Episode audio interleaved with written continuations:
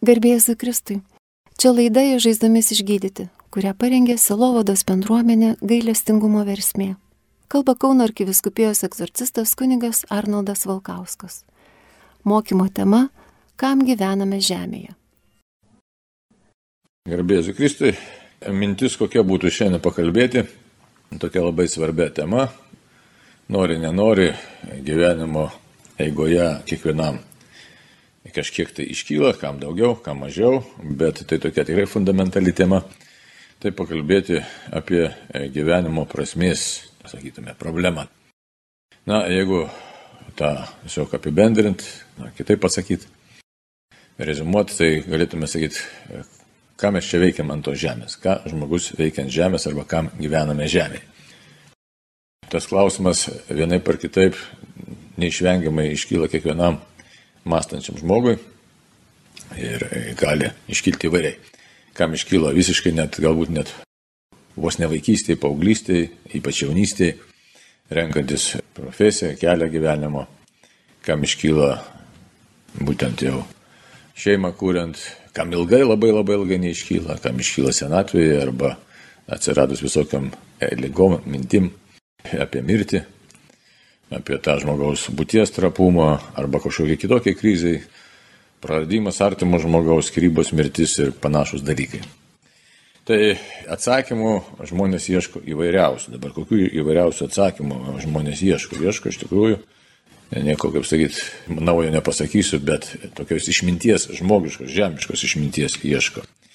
Kad šitas klausimas yra svarbus, tai tikrai jisai Visais atžvelgiais galim žiūrėti iš tikėjimo pozicijos, iš psichologijos galim pozicijos žiūrėti, iš filosofijos pozicijos galim pasižiūrėti. Ir dabar žiūrėkime, jeigu žiūrėti tokios visai dar pasaulietiškos tokios pozicijos žvelgiant, tai ką mes galim surasti, kad štai filosofai, stoikai, apie juos dar Jonas Gutauskas, kunigas mokslo daktaras, rašė e, tokiai savo knygoje didžiųjų bendrijos tėvų mintys.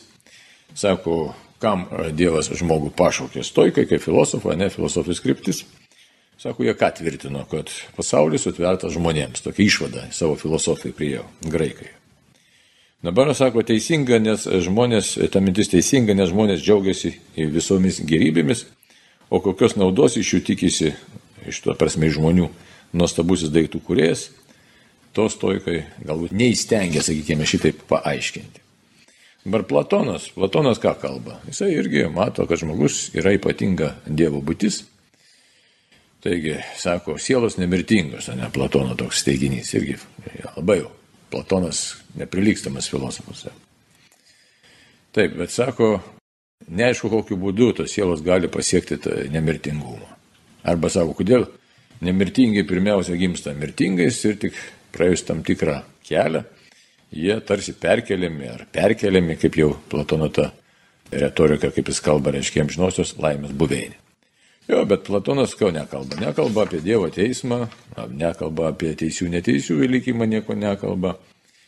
Jis kalba dar tokius savotiškus dalykus, kuriuos šiandieną dar ne, ne vienas atkartoja pasinaudodami rytų religijom ir filosofijom apie tą pakartotinę atgimimą kažkur kitur, ta reinkarnacija, ne, gyvūnų kūnuose, gyvulių kūnuose ir tokiu būdu vis mato tame, kad tame vyks apsivalymas, kažkokią tai atgailą atliksim. Tai štai toks iš toli, iš toli labai ateinantis e, kalbėjimas būtent apie gyvenimo prasme. Tačiau tokių išvadų padaryti, ką čia tas žmogus veikia, tai labai stipriai mes ir nematome. Tai būtent tokiai, kaip pavadinti, natūralioji tokia filosofija, net ir toj filosofijai, kuri kalba apie amžinus dalykus.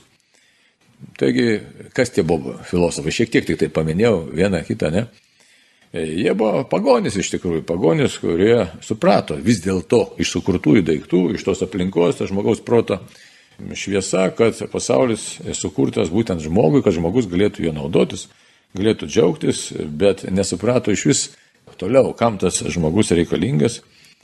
Aišku, žinom, kad ir pagonio filosofai sakė, kad būtinai reikia dievus garbinti, kalbėjo apie darybę, ypatingai stoikai kalbėjo apie darybės būtinumą, labai gražiai kalbėjo iš tikrųjų.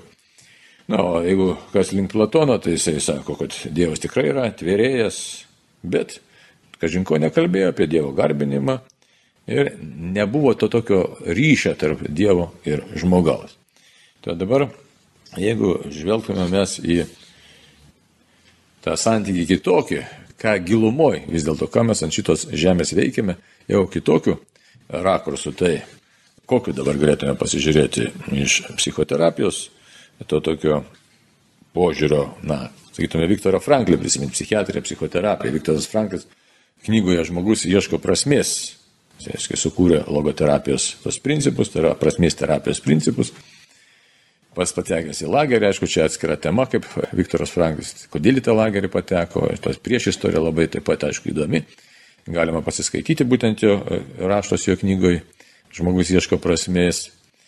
Bet mintis kokia buvo, kad jis visą laiką ieškojo prasmingo gyvenimo, aišku, būdamas žydas, atsivertęs į krikščionybę, jis laikė ieškojo tokio prasmingo buvimo ir tas prasmingas buvimas jam siejusi su to, kad reikia kažko klausyti, kas yra daugiau ir aukščiau tavęs. Bet dabar šiandien kalbam apie prasmės ieškojimą. Tai kokie principai Viktoras Franklis, kuris ką jis padarė? Labai gabus buvo žmogus, nepaprastai gabus, anksti pradėjo dėstytojauti universitete labai anksti, labai anksti universitetą patį baigė, paskui tapo medicinos mokslo daktaru. Ir kai nacija pradėjo persekioti žydus, tai jisai turėjo galimybę išvykti į Junktinės valstijas, turėjo vizą, bet kadangi tėvai taip pat buvo žydai, tai jis sąmoningai atsisakė vizos ir iškeliavo kartu su tėvais ir su žmona į lagerį.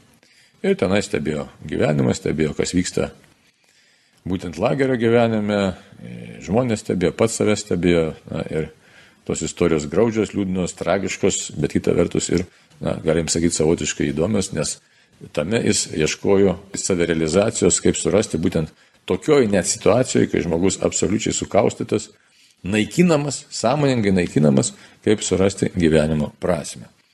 Tai ką mes galime žvelgti dabar, kokius principus, sakysim, Viktoras Franklis išvelgia, ne, čia kaip jau sakiau, per daug neįsiplečiant, galima būtų dar atskirai apie jį pakalbėti. Bet toks vienas iš jo principų, ką jis tai, kuo pagrindė savo logoterapiją, kad gyvenimas yra besąlygiškai prasmingas. Besąlygiškai. Todėl, kad jisai duotybė yra. Ne? Toliau. Ką jis gražiai sako? Kiekvienam žmogui būdingas prasmės siekimas, kuris yra gyvenimo variklis. Įdomu labai, ne? gyvenimo variklis yra prasmės siekimas, nes mes dažniausiai tai negalvojam, kiek čia prasmingas tas mūsų gyvenimas. Nors jeigu dabar pažvelgtume į mūsų kasdienybę, tai pamatome, kad labai žmonės e, tiesiog kažkokioj tai dobėjai, nemažai žmonių neranda džiaugsmo, neranda pasitenkinimo, nors e, daiktų, pramogų, užsiemimų yra apšiai, bet neranda e, tokio, tikrai tokio giluminio vidinio džiaugsmo. Kodėl? Ne? Tai todėl, kad dažnas jaučia tokį neprasmingą gyvenimą, nuo pat ryto atsikėlęs kažkodėl tai neranda atramos, neranda prasmės. Toliau, trečias principas, kurį Viktoras Franklis pasiūlo. Kiekvienas žmogus laisvas pasinaudoti galimybę atrasti prasme ar ne. Taigi, žmogus čia labai sunkus iš tikrųjų principas. Kodėl dabar? Už tai, kad esi laisvas pasirinkti. Tai yra pamatyti, apsispręsti ir spręsti. Prasmingas tavo gyvenimas ar ne, nori būti viduje laisvas ar ne. Ir, kaip jisai sako, pavyzdys, ar kalinys laisvas pasirinkti prasme. Įsivaizduot, kaip įdomu. Nes koncentracijos stovykloje kiekvienas kalinys, nu, ką jisai, kalinys yra, jis, jis negali nieko pakeisti, absoliučiai nieko negali pakeisti, uždarytas tarp vėlų ginkluoti sargybiniai, kurie bet kokiu atveju žvelgia, kaip jį reikia sunaikinti. Na, pasipriešinus, ne? Ir šiaip sistema tam, kad tave sunaikintų. Ir tuo tarpu pakeisti situacijos aplinkybių visiškai neįmanoma. Tačiau, ką sako Frankas, įmanoma pakeisti nuostatą nepakeičiamų gyvenimo aplinkybių atžvilgių. Ir sako, štai vietoje klausimo, kodėl man taip atsitiko ir kodėl Dievas tai leidžia, atsirado klausimas, ką aš galiu padaryti net šiomis siaubingomis sąlygomis. Dabar, kodėl čia toks įdomus klausimas iškyla ne Frankai, kodėl Dievas tai leidžia, ypatingai žydų tautybės žmonėms, kurie tikintiems, stipriau tikintiems, ta prasme normaliai tikintiems, tai buvo labai aktualus klausimas, kodėl Dievas tai leidžia, jeigu mes taip iš tikrųjų Dievę tavęs ieškom ir tavęs ilgimės ir tavęs klausom ir tavo įsakymus vykdom. Tai štai Frankas sako, kad šitas klausimas turi būti paliktas ir kitas klausimas, ką aš galiu padaryti šitomis siaubingomis sąlygomis. Ir čia, sako, prasideda kelias į prasme. Ir apie ką jau čia kalba, čia jau kalba, aš tikrųjų, apie kryžiaus slėpinį prasideda. Tai todėl dabar čia kaip įdomu, ne? Galėjom pažvelgti labai prabėgom, bet pagonių filosofija, stoikai Platonas, taip prabėgom, ne, bet prasmės klausimą visą laiką kėlė žmonėje. Paskui matome, kad žmogus patekęs į siaubingą situaciją, bet turėdamas pasirengimą, psichiatrinį pasirengimą, aiškiai tokia gilia išvalga, jisai pamato, kad pagrindinis klausimas yra prasmės klausimas, norint būti savimi, norint būti žmogumi. Na ir, aišku, galėtume dar žiūrėti, ką sako Antanas Macina, bet dar norėtųsi dabar, tiesiog pamačius, kad tai yra tikrai prasmės klausimas, yra pagrindinis mūsų būties klausimas, nes jisai priverčia mus apsispręsti kažką tai pamatyti giliau ir ne tik tai pamatyti ir suprasti, bet ir veikti atitinkamu būdu, priimti sprendimą, atitinkamu būdu veikti. Čia labai svarbu priimti sprendimą, ne? priimti sprendimą, kas esu aš, ką aš darysiu, ką aš renkuosi, nepaisant to, kad e, kaip mane aplinkybės veikia. Čia štai visą laiką iššūkis, kalbam apie iššūkį. Tai todėl e, dabar atsakymas jau tikėjimo žvilgsnių būtų tai toks labai gražus, paprastas iš vienos pusės, bet iš kitos pusės labai nepaprastas. Viskupas Paltarokas sustatė tą planutį, katekizmą, kurio kartų kartos naudojosi, kartais kritikavo, kartais ten sakė kažko per mažai elgti, žinai. O iš tikrųjų ten klausimas, fundamentalus klausimas, pirmas klausimas ir esminis, kam gyvename ant žemės, kam žmogus gyvena, ką jis čia veikia šitai, šitam pasauliu, tai kam gyvename žemėje. Ir atsakymas gyvename tam, kad vykdydami Dievo valią nueitume į dangų. Labai įdomu, ne? Vėlgi, kad vykdydami Dievo valią, nueitume į dangų. Įsivaizduot, koks kalbėjimas. Čia ištisinis prasmės tiesiog toks ieškančio, pasirenkančio, laisvo žmogaus atsakymas, kad štai ne savo valią pasirenku, bet pasirenku Dievę tavo valią, nes tame yra prasmė, kuri pranoksta, kas yra dangus, ne, čia prasideda kitos temos visiškai, kas yra dangus, tai kur aš pateksiu, kas su manim darosi ir kur aš keliauju. Tai tuose keliuose sakiniuose telpa visa ontologija, jeigu taip norim panaudoti tokius e, sudėtingus žodžius, arba galima sakyti, na tiesiog tokia telpa išmintis, galim paprastai pasakyti, ne būties išmintis, arba dar paprasčiau tiesiog atsakymas telpa, kad štai jeigu aš renkuosi iš tikrųjų pirmiausia drąsą klausti, kam gyvenu ant žemės, tai apskritai sekantis atsakymas irgi labai drąsus atsakymas, kad vykdydamas Dievo valią, to, kuris sukūrė visatą, kuris sukūrė mane, kuris žino, ką daro, nes pasirodo, kad mes nelabai čia žinome, ką darome. Štai prasmės klausimas mums visą laiką iškyla labai aktuolus klausimas. Taigi todėl mes jau pasiremdami, pasitikėdami, apsispręsdami už tą, kuris žino, ką jisai čia padarė ir kuris mus pakvietė, mes keliaujame su juo ir pas jį ir keliaujame į tą artumą jo, kurį vadiname dangumi. Vadiname, ne? Dangus. Toliau. Galėtume pasižiūrėti į dabar tą mūsų naująjį, nu, sakau, naująjį katekizmą, jau tam katekizmui viso labo, ar viso labo, tiesiog net ne viso labo, bet jau beveik 30 metų, kaip jisai išleistas yra iš tikrųjų pirmasis leidimas dabar nedžiūrė, ne? 97-aisiais. Tai Taigi, ten yra, aiškiai, labai gražus tas numeris toks, pirmasis, ne, ir pavadinimas labai gražus. Žmogaus gyvenimas - pažinti ir mylėti Dievą. Tai kas ten pasakyta, ne, galim pažiūrėti tiksliai tekstą, sižiūrėti, aiškiai, katekizmas. Ir kalbama šitaip, Dievas, pats būdamas be galo tobulas ir laimingas, vien iš savo gerumo laisvai sukūrė žmogų kad padarytų į savo laimingo gyvenimo bendrininku. Dėl to kiekvienu metu ir kiekvienoje vietoje jis yra žmogui artimas. Jis žmogų kviečia, padeda žmogui jo ieškoti, jį pažinti, jį visomis jėgomis mylėti. Visus nuodėmės įsklaidytų žmonės iššaukė į savo vieningą šeimą bažnyčią. Kad tai vykdytų, laiko atėjus, jis atsiuntė savo sūnų, atpirkė ir gelbėtoją. Jame ir per jį jis kviečia žmonės šventojo dvasioje tapti įsūniais ir jo laimingo gyvenimo paveldėtojais. Tai štai. Tiek sako naujasis katekizmas, tiesiog tiek. Pirmasis numerėlis iš tikrųjų taip kalba naujasis katekizmas arba didysis katekizmas.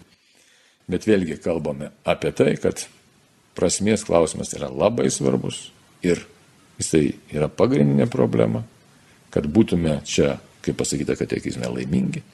Ir apsisprendimas būtent už Dievą, už jo valios vykdymą, tai yra pamatymas savęs kaip Dievo kūrinio esančio santykyje su Dievu kurieju, iš tikrųjų, sprendžia mūsų būties problemą. Ar tai lengva? Drąsiai galim pasakyti, kad tai nelengva. Tai galim tik tai žodžiais čia pasakyti, ne kad atrodo taip struktūriškai viskas dėstosi, taip yra, tačiau gyvenimas yra įvairus ir todėl tema labai aktuali, prasmės problema keliama kiekvieną dieną, esant įvairiom situacijom, situacijos besikeičiančios, pats žmogus įtakojamas yra aplinkos, emocijų, kasdienybės, patirčių įvairiausių. Taip kad apsisprendimas jis ir prasmės ieškojimas jis vyksta nuolat, kad duotume atsakymą ir tą atsakymą turim duoti iš tikrųjų savo pasirinkimu. Bandykime toliau tęsti tas aktualias temas, kurios tikrai mums yra svarbios mūsų gyvenime. Dar kartą norėtųsi pakalbėti apie prasme, galbūt kiek paplėtot tą klausimą, na ir probleminis toks labai klausimas. Nes žmogus buvoja kaip būtis, buvoja e, kaip iš tikrųjų na, iššūkis savo pačiam, kadangi yra kūrinys. Ir e, matom, kad gyvenime tokių yra įvairiausių sunkumų ir džiaugsmų. Tai yra, ir kokio plano tai būna ir sunkumai, ir džiaugsmai. Įvairaus plano būna.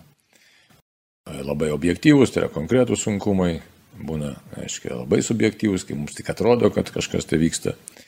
Kaip ir džiaugsmai, arba tik emociniai, arba kažko tai pagristi. Žodžiu, daugelis veiksnių mus veikia ir ne visi jie, tie veiksniai gali būti tiesiog objektyviai teisingi. O yra kažkokia tai objektyvi realybė neišvengiamai, nes tas relativizmas, kuris mums neretai galbūt teršas iš vieno iš kito šono, kad štai nėra kažkokios atskaitos sistemos, tai mes matom, kad yra.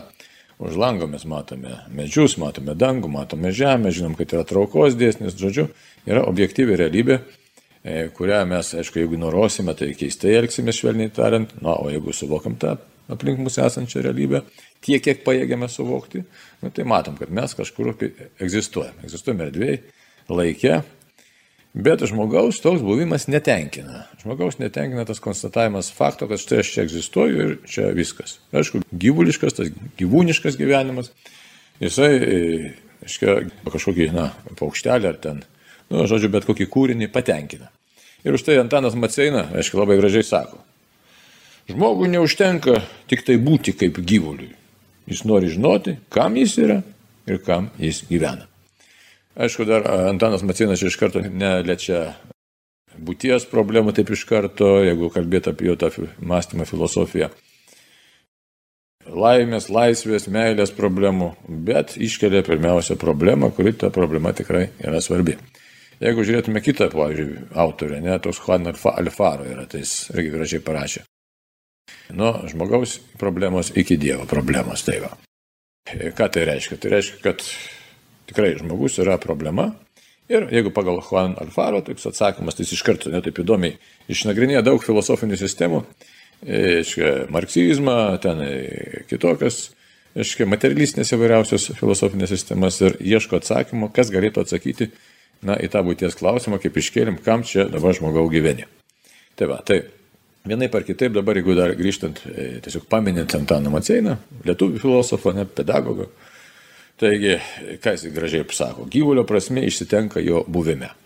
Tuo tarpu žmogus grinuoju buvimu ne tik, kad nėra patenkintas, bet jis jį net niekina ir laiko nevertingu. Ką tai reiškia, kad neretai žmogus tiesiog na, nepatenkintas vien tik tai, kad čia būtent šitos žemės, kad čia kažką tai turim tik tai veikti, slankioti ir dar kažkaip egzistuoti ar kažko tai čia užsimti, nes žmogui tai neretai matom, kad to yra per mažai.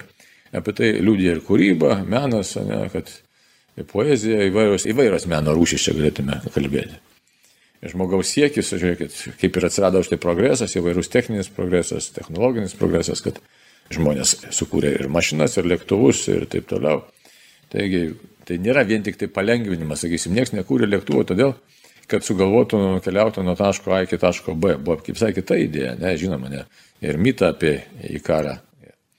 Taigi, koks tas mitas, kad kilti aukštyn, kilti aukštyn ir skristi kažkur tai, tai reiškia pasiekti kažkokią tai, na, menamą ar, na, gal sakyti, galėtume sakyti, lai, absoliučią laisvę tiek ir žmogui tai įmanoma, bet išsiveršti iš to kažko, iš kažkokių tai rėmų, e, kurie žmogų įkalino ar įrėmino šitame buvime, šitoje mūsų būtyje. Tai va, dar ką Antanas Maceinas sako, gali žmogus gerai pavalgyti ir gražiai apsirengti, gali jis gyventi patogiame būte ir turėti šeimą, bet jeigu jis nežino, kam jis gyvena, jis darosi nepatenkintas, pradeda skursti ir nykti. Žmogaus prasmė neišsitenka jo buvime. Žmogus negyvena tik tam, kad būtų. Pačiame jo buvime turi būti dar kažkas kita, kas nėra buvimas savyje. Tačiau ką žmogus gali vykdyti pačiu buvimu. Kaip supras, kažką vykdyti pačiu buvimu. Reiškia, prasidėjo kalba apie tokius uždavinius, e, kurie būtent e, būtini pačiam žmogaus buvimui, žmogaus būčiai, tiesiog pačiai žmogaus esmiai kažkokie tai reikalingi uždaviniai. Ir kol tas žmogus nejaučia tų uždavinių, pradeda jausti, kad gyvenimas yra tuščias. Tai mes, jeigu galėtume jau ne, šiek tiek tokį į šoną diskursą pasižiūrėti, matome, jeigu tikėjimuose, kokie jie būtų pagoniški, ar, ar net iš pradžių nesinori iš karto sakyti to atsakymo, bet net ir įvairiuose sistemose, filosofinėse visą laiką žmogus kažkaip bando įprasminti savo buvimą ir su kažkuo tai susilieti, kad surast ramybę, kuri yra didesnė už patį žmogų. Aišku, žinom, kad ten yra vyriausių taip ir filosofinių sistemų, kurios bandė žmogų pateisinti tik tai šitame rate, tokiam uždaryti kaip savotiškam panteizme, kad čia viskas yra gerai, bet paprastai žmogaus tai nepatenkina. Taigi, neprasmingo gyvenimo žmogus negali pakelti. Gyvenimo prasmės klausimas, mano asmeninio gyvenimo prasmės jau yra gilus sąžinės klausimas. Įsivaizduoti, neprasmingo gyvenimo žmogus negali pakelti. Ir tai yra viena iš kankinimo formų iš tikrųjų. Naudota iš tikrųjų ir istorijos bėgi, sukurti tokią situaciją žmogui, kurį norima palaužti, kad jisai nebematytų iš tikrųjų perspektyvos gyvenimo prasmės. Tai lagerių sistema būtent apie tai liūdija. Dar ką Antanas Maceinas sako, jeigu duona patenkina patį buvimą, buvimą tai yra apsimaitinai ir egzistuoji, tai tikslo problemos jį neišsprendžia. Ką mes gyvename ir koks mūsų pačių žygis sudaro mūsų asmeninio gyvenimo prasme, galime atsakyti tik savo giliausią būtimi, prabylančių sąžinės balsu. Taigi, mums būtina iš tikrųjų klausti, kam aš gyvenu, ką aš čia darau ir tai jau veda į visiškai tokį kitą lygį ir tas lygis duoda mums tokią supratimą, kad štai aš esu vertingas Taigi vertė iš karto mūsų iškyla. Kokia vertė? Ne, visai kita, aš nesu tas, ką aš matau, aš nesu tas, ką aš čia galiu tik tai pačiupinėti, nes žmogui atsiranda dar kitų tokių gilesnių supratimų, kad tai viskas trapu, viskas laikina, viskas dužu. Ir jeigu gyvulėliui tokie klausimai, jie tikriausiai turbūt, ne, ten kažkaip gal kažką jaučia tą nebūties buvimą, realumą, tai žmogus tą aiškiai supranta. Ir tas trapumas, dažumas mūsų iš tikrųjų kartais tiesiog gali varyti iš proto. Ir todėl tas laikinumas, jis nori, nenori, e, paskatina mus kelti būties prasmės klausimą, tiesiog priežastingumo klausimą. Ir ką aš čia veikiu ant tos žemės, tiesiog galbūt įvairiom formom, paprastom ar labai sudėtingom, nesvarbu, bet, bet e, prasmės klausimas nori, nenori, iškyla. Ir štai galim žvelgti į Švento Augustino tokį e, pasakymą, ne? Labai gražus jo, šiek tiek toks, iškart Šventas Augustinas irgi, galim sakyti, ne tik, kad teologas, jis pirmiausia buvo e, mąstytojas, filosofas, ieškantis tiesos, e, gyvenimo prasmės. Ir ką jisai gražiai sako savo pamoksluose, ne? Esi pašauktas ne žemę apglėpti, bet dangų pasiekti. Esi pašauktas ne žemiškai laimiai, bet dangiškai, nelaikinai sėkmiai, nepatvarė ir nykstamai geroviai, bet amžinam gyvenimui, angelų draugijoje. Taigi, jeigu, kaip iškėlėm tą problemą, kad štai neužtenka duonos, neužtenka betikslio gyvenimo, tai, aišku, čia galima labai ilgai svarstyti, kur tikslas, kokie tikslai, nes kai kurie ten kalba, štai šeima, paskui mašiną nusipirksiu, namą pasistatysiu, taip toliau, toliau, toliau. Bet jau, kaip minėjau, tie dalykai yra labai dužus. Ir kai kas patiria tą dužumą labai greitai, ne, labai anksti patiria tą dužumą. Kiti nepatiria, kiti nesupranta, nu įvairiai. Įvairūs yra žmogaus mąstymo būdai, metodai, galėtume sakyti, smegenų ten tas jungtis, ne, genetika, įvairios patirtis iš šeimos ateinančios, iš šeimos ateinantis, aiškiai, vertybiniai modeliai. Bet bet kokiu atveju principas vis tiek yra paprastas. Žmogus yra mirtingas ir žmogus suvokia. Suvokia ir savo tą trapumą ir tas suvokimas žmogui iškelia, tiesiog priverčia, priverčia mąstyti ir giliau, arba išsigasti, arba ir išsigandus to, to, aišku, savotiškai išsigasti, nebūtis baugina. Ne? Taigi, po to jau išsigandus e, klausti, tai kam aš čia egzistuoju. Tai štai Augustinas kaip ieškantis, nes jis buvo irgi, e, iš tikrųjų iš pradžių gyveno be tikėjimo, jeigu pasidomėt šventojo Augustino, ne? Motina Monika ilgai meldėsi, kol jis atsivertė ir štai paliko savo tą pagonišką ieškojimo kelią ir tapo krikščionimi. Ir štai kaip jau kaip krikščionis kalba, kad štai esi pašauktas ne čia įsikabintą žemę apglėpti, bet tapti dangaus piliečiu, jeigu tai paprastai pasakius. Yra. Kitoje vietoje jis vėl kalba apie tą nerimą vidinį, kuris žmogų genų, galėtume vadinam dabar neretai egzistencinį nerimą. Sako, savo mūsų Dievė sukūrė ir nerami mūsų širdis, kol tavyje nenurimsta. Išpažinimuose čia jis kalba, ne? Taip, kad galėtume prisiminti dar kitą jau vėlesnių laikų mąstytoją, šventąjį Robertą Belarminą, savo traktate jis kalba apie sielos kopimą Dievo, štai ką sako. Todėl, jei turi nuovoko, suprask, kad esi sukurtas Dievo garbiai ir savo paties amžinam išganimui. Tai tavo tikslas, tavo sielos centras, tavo širdies lobis. Jei pasieksi šį tikslą, būsi laimingas, jei nuo jo atitolsi, paliksi vargšas. Dabar matot labai įdomiai ir katekizme didžiajam, ir čia Belarminas paminė tą laimės savoką. Tai prasmės ieškojimas, būties įprasminimas neišvengiamai susijęs su mūsų laimės išgyvenimu. Nes tas laimės klausimas taip pat mums yra tiesiog nu, neatsiejamas nuo mūsų būties. Mes ne šiaip norim būti ant šitos žemės ir ne tik ant šitos žemės, bet norime būti laimingai. Laimingai būti ir būti laimingi. Ir niekaip negalime šito dėmens ištrinti, nes iš čia, iš laimingumo arba nelaimingumo būsenos potyrio, galėtume sakyti, nes laimė vėl toks yra sudėtingas e, dalykas, reiškinys, ar kaip čia pasakyti, pasirinkimas net savotiškai. Taigi, ką galim pasakyti, e, laimė tikrai yra mūsų e, siekinys, mūsų troškimas giluminis toks, kurio mes niekaip negalime nuo savo būties atsijėti.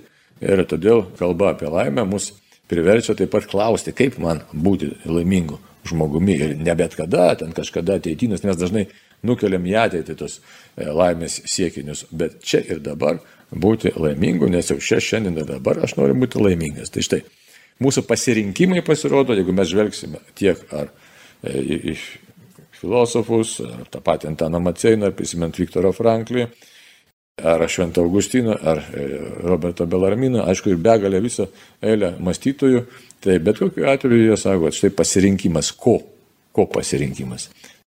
Tokio dėmens, kuris niekada neišduoda, neapgauna ir įprasmina pačią mūsų būti. O toks pasirinkimas tai būtent kas yra. Iš tikrųjų yra Dievas, taigi, už tai katekizme dar galim paskaityti tokių žodžių, ne? Kas mes tokie esame. Žiūrėkit, Biblijoje, ne, pradžios knygos pirmam skyriui.